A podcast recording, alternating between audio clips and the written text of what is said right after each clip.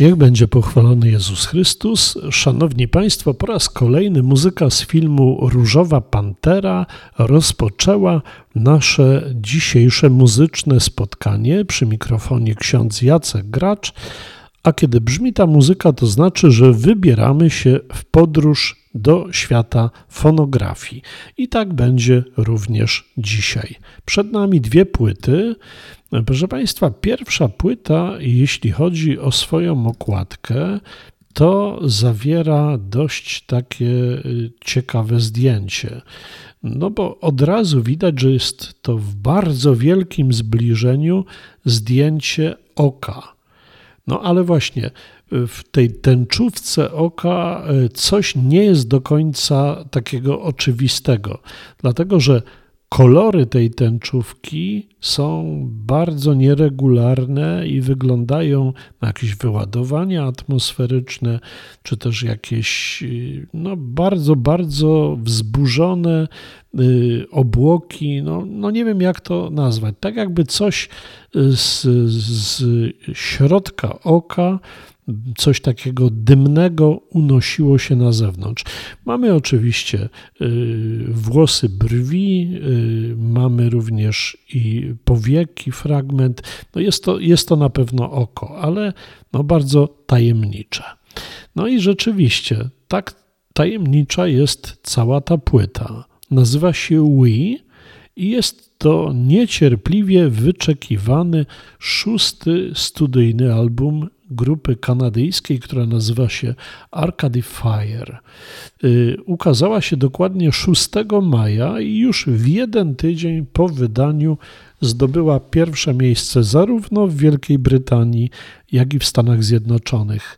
Płytę promował pierwszy singiel, który nazywa się The Lightning 1-2 i temu singlowi towarzyszył także wyreżyserowany przez Emily Kajbok teledysk. E, proszę Państwa, Płyta została wyprodukowana przez Nila Goodridge'a i Wina Riggin.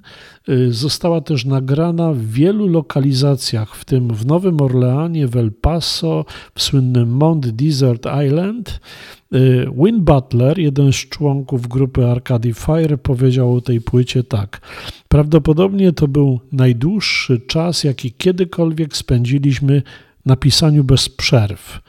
W zwięzłą 40-minutową epopeję poświęconą zarówno siłom, które grożą odciągnięciem nas od ludzi, których kochamy, jak i potrzebą ich pokonania. Y, proszę Państwa, ta płyta więc to kolejny efekt, czy można powiedzieć, echa pandemii koronawirusa, bo te siły, które grożą odcięciem nas od ludzi, których kochamy, no to niewątpliwie y, pandemia, a potrzebą ich pokonania, no to y, proszę Państwa, były te wszystkie starania, jakie podjęła ludzkość aby wrócić do siebie, można powiedzieć, aby znów rozpocząć kontakty, uściskać się, spotkać z bliskimi osobami. Pamiętamy to wszystko, bo to wszystko przeżywaliśmy. Oczyszczająca podróż, którą znajdujemy na płycie, podąża w takim wyznaczonym łukiem od ciemności światła poprzez siedem utworów podzielonych na dwie odrębne części płyty. Tak jakbyśmy wzięli płytę winylową, na pierwszej stronie tej płyty mamy y, obraz przerażający strach, samotność, izolację. To nam towarzyszyło na początku pandemii. Kiedy płytę odwrócimy na drugą stronę, mamy część, która wyraża radość i moc ponownego połączenia się z ludźmi, czyli naprawdę w piękny sposób opisana cała historia pandemii. Natomiast y, okładka y, to fotografia ludzkiego oka y, autorstwa GR, takiego słynnego amerykańskiego fotografa. Przypomina Sagittariusa A, czyli czarną dziurę w centrum galaktyki. Ten oszałamiający obraz tej czarnej dziury wplecionej w to ludzkie oko jest ozdobiony takim charakterystycznym zabarwieniem areografu, Terego Pastora.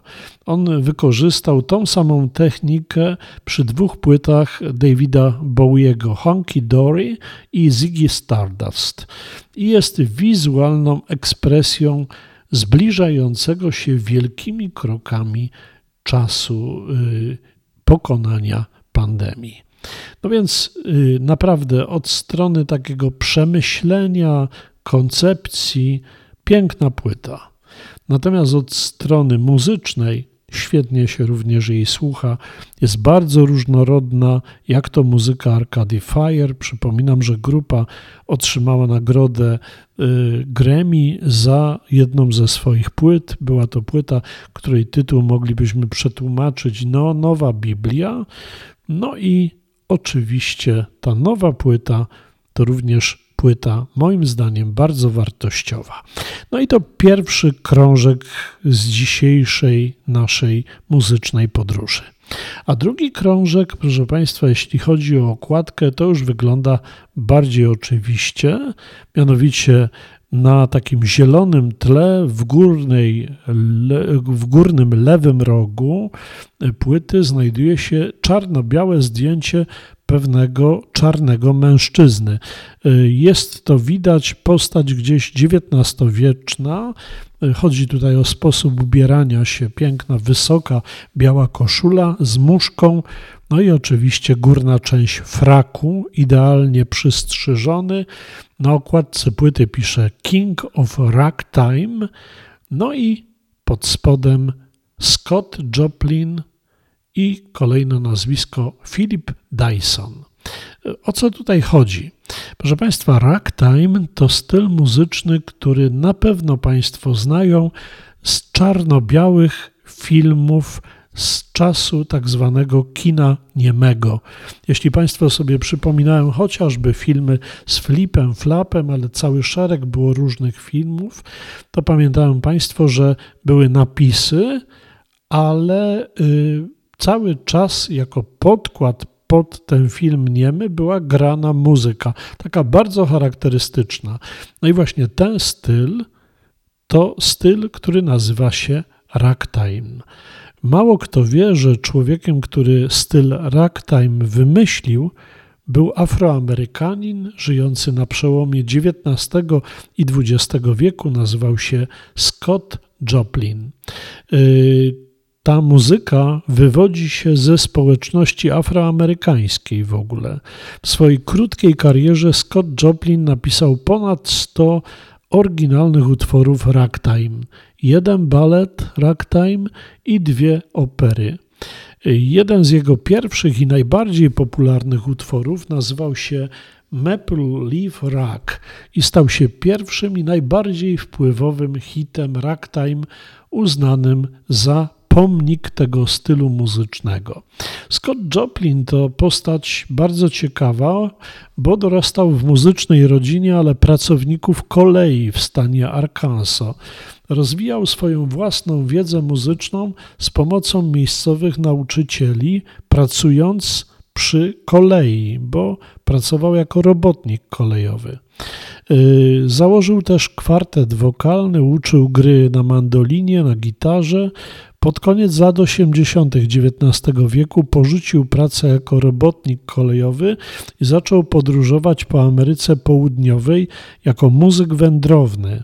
Później pojechał do Chicago na światowe targi muzyczne, które odegrały ważną rolę w uczynieniu ragtime światowym i narodowym szaleństwem do końca, można powiedzieć, XIX wieku. Joplin przenosi się do stanu Missouri, zarabia na życie jako nauczyciel gry na fortepianie. Tam uczy przyszłych kompozytorów ragtime'a Artura Marshalla, Scotta Haydena, Brunona Campbella. Zaczyna też wydawać muzykę ragtime. I jeszcze taka bardzo ciekawa rzecz. Y, mimo y, stałego dochodu, jaki posiadał z wydawanych już wtedy płyt i swojego sukcesu, bardzo często miał problemy finansowe. Między innymi Partytura jego pierwszej opery, która nazywała się Gość Honorowy, została skonfiskowana w 1903 roku wraz z jego dobytkiem za niepłacenie rachunków i do dnia dzisiejszego się nie odnalazła, jest uważana za zaginioną. Później Scott Joplin przenosi się do Nowego Jorku, gdzie pisze kolejną operę, która nazywa się Trimunsha nigdy nie została w pełni wystawiona za jego życia. Scott Joplin w 1916 roku zachorował na demencję, został przyjęty do szpitala Manhattan State w Nowym Jorku i tam zmarł trzy miesiące później, mając zaledwie 48 lat. Śmierć Joplina jest powszechnie uważana za koniec ragtime jako głównego nurtu muzycznego, bo później ten nurt muzyczny ewoluuje, stając się częścią takich stylów jak street, jak jazz i ostatecznie jako era tak zwanych big bandów. Y, muzyka Scotta Joplina ponownie została odkryta w latach 70. XX wieku wraz z wydaniem sprzedanego w milionach egzemplarzy albumu nagranego przez słynnego Joshua Rifkina. Później pojawił się słynny, nagrodzony Oscarem film Żądło w 1973 roku, w którym znalazło się kilka kompozycji Scotta Joplina. W 1976 roku pośmiertnie Scott Joplin został uhonorowany nagrodą Pulitzera. Proszę Państwa, ta płyta, którą Państwu anonsuję, to komplet wszystkich utworów napisanych przez Scotta Joplina, jakie znamy, w wykonaniu brytyjskiego pianisty Filipa Dysona. Warto y, ten, to pudełeczko czteropłytowe sobie kupić. Naprawdę piękne, piękne y, utwory, które gra właśnie Filip Dyson. I to tyle na naszą dzisiejszą muzyczną podróż. Przypominam dwa albumy. Pierwszy Arcade Fire We, a druga King of Ragtime Scotta Joplina. Płyta, która została nagrana przez Filipa Dysona. Dziękuję Państwu za uwagę, a Różową Panterę proszę, aby jak zawsze uroczo zakończyła nasze muzyczne spotkanie.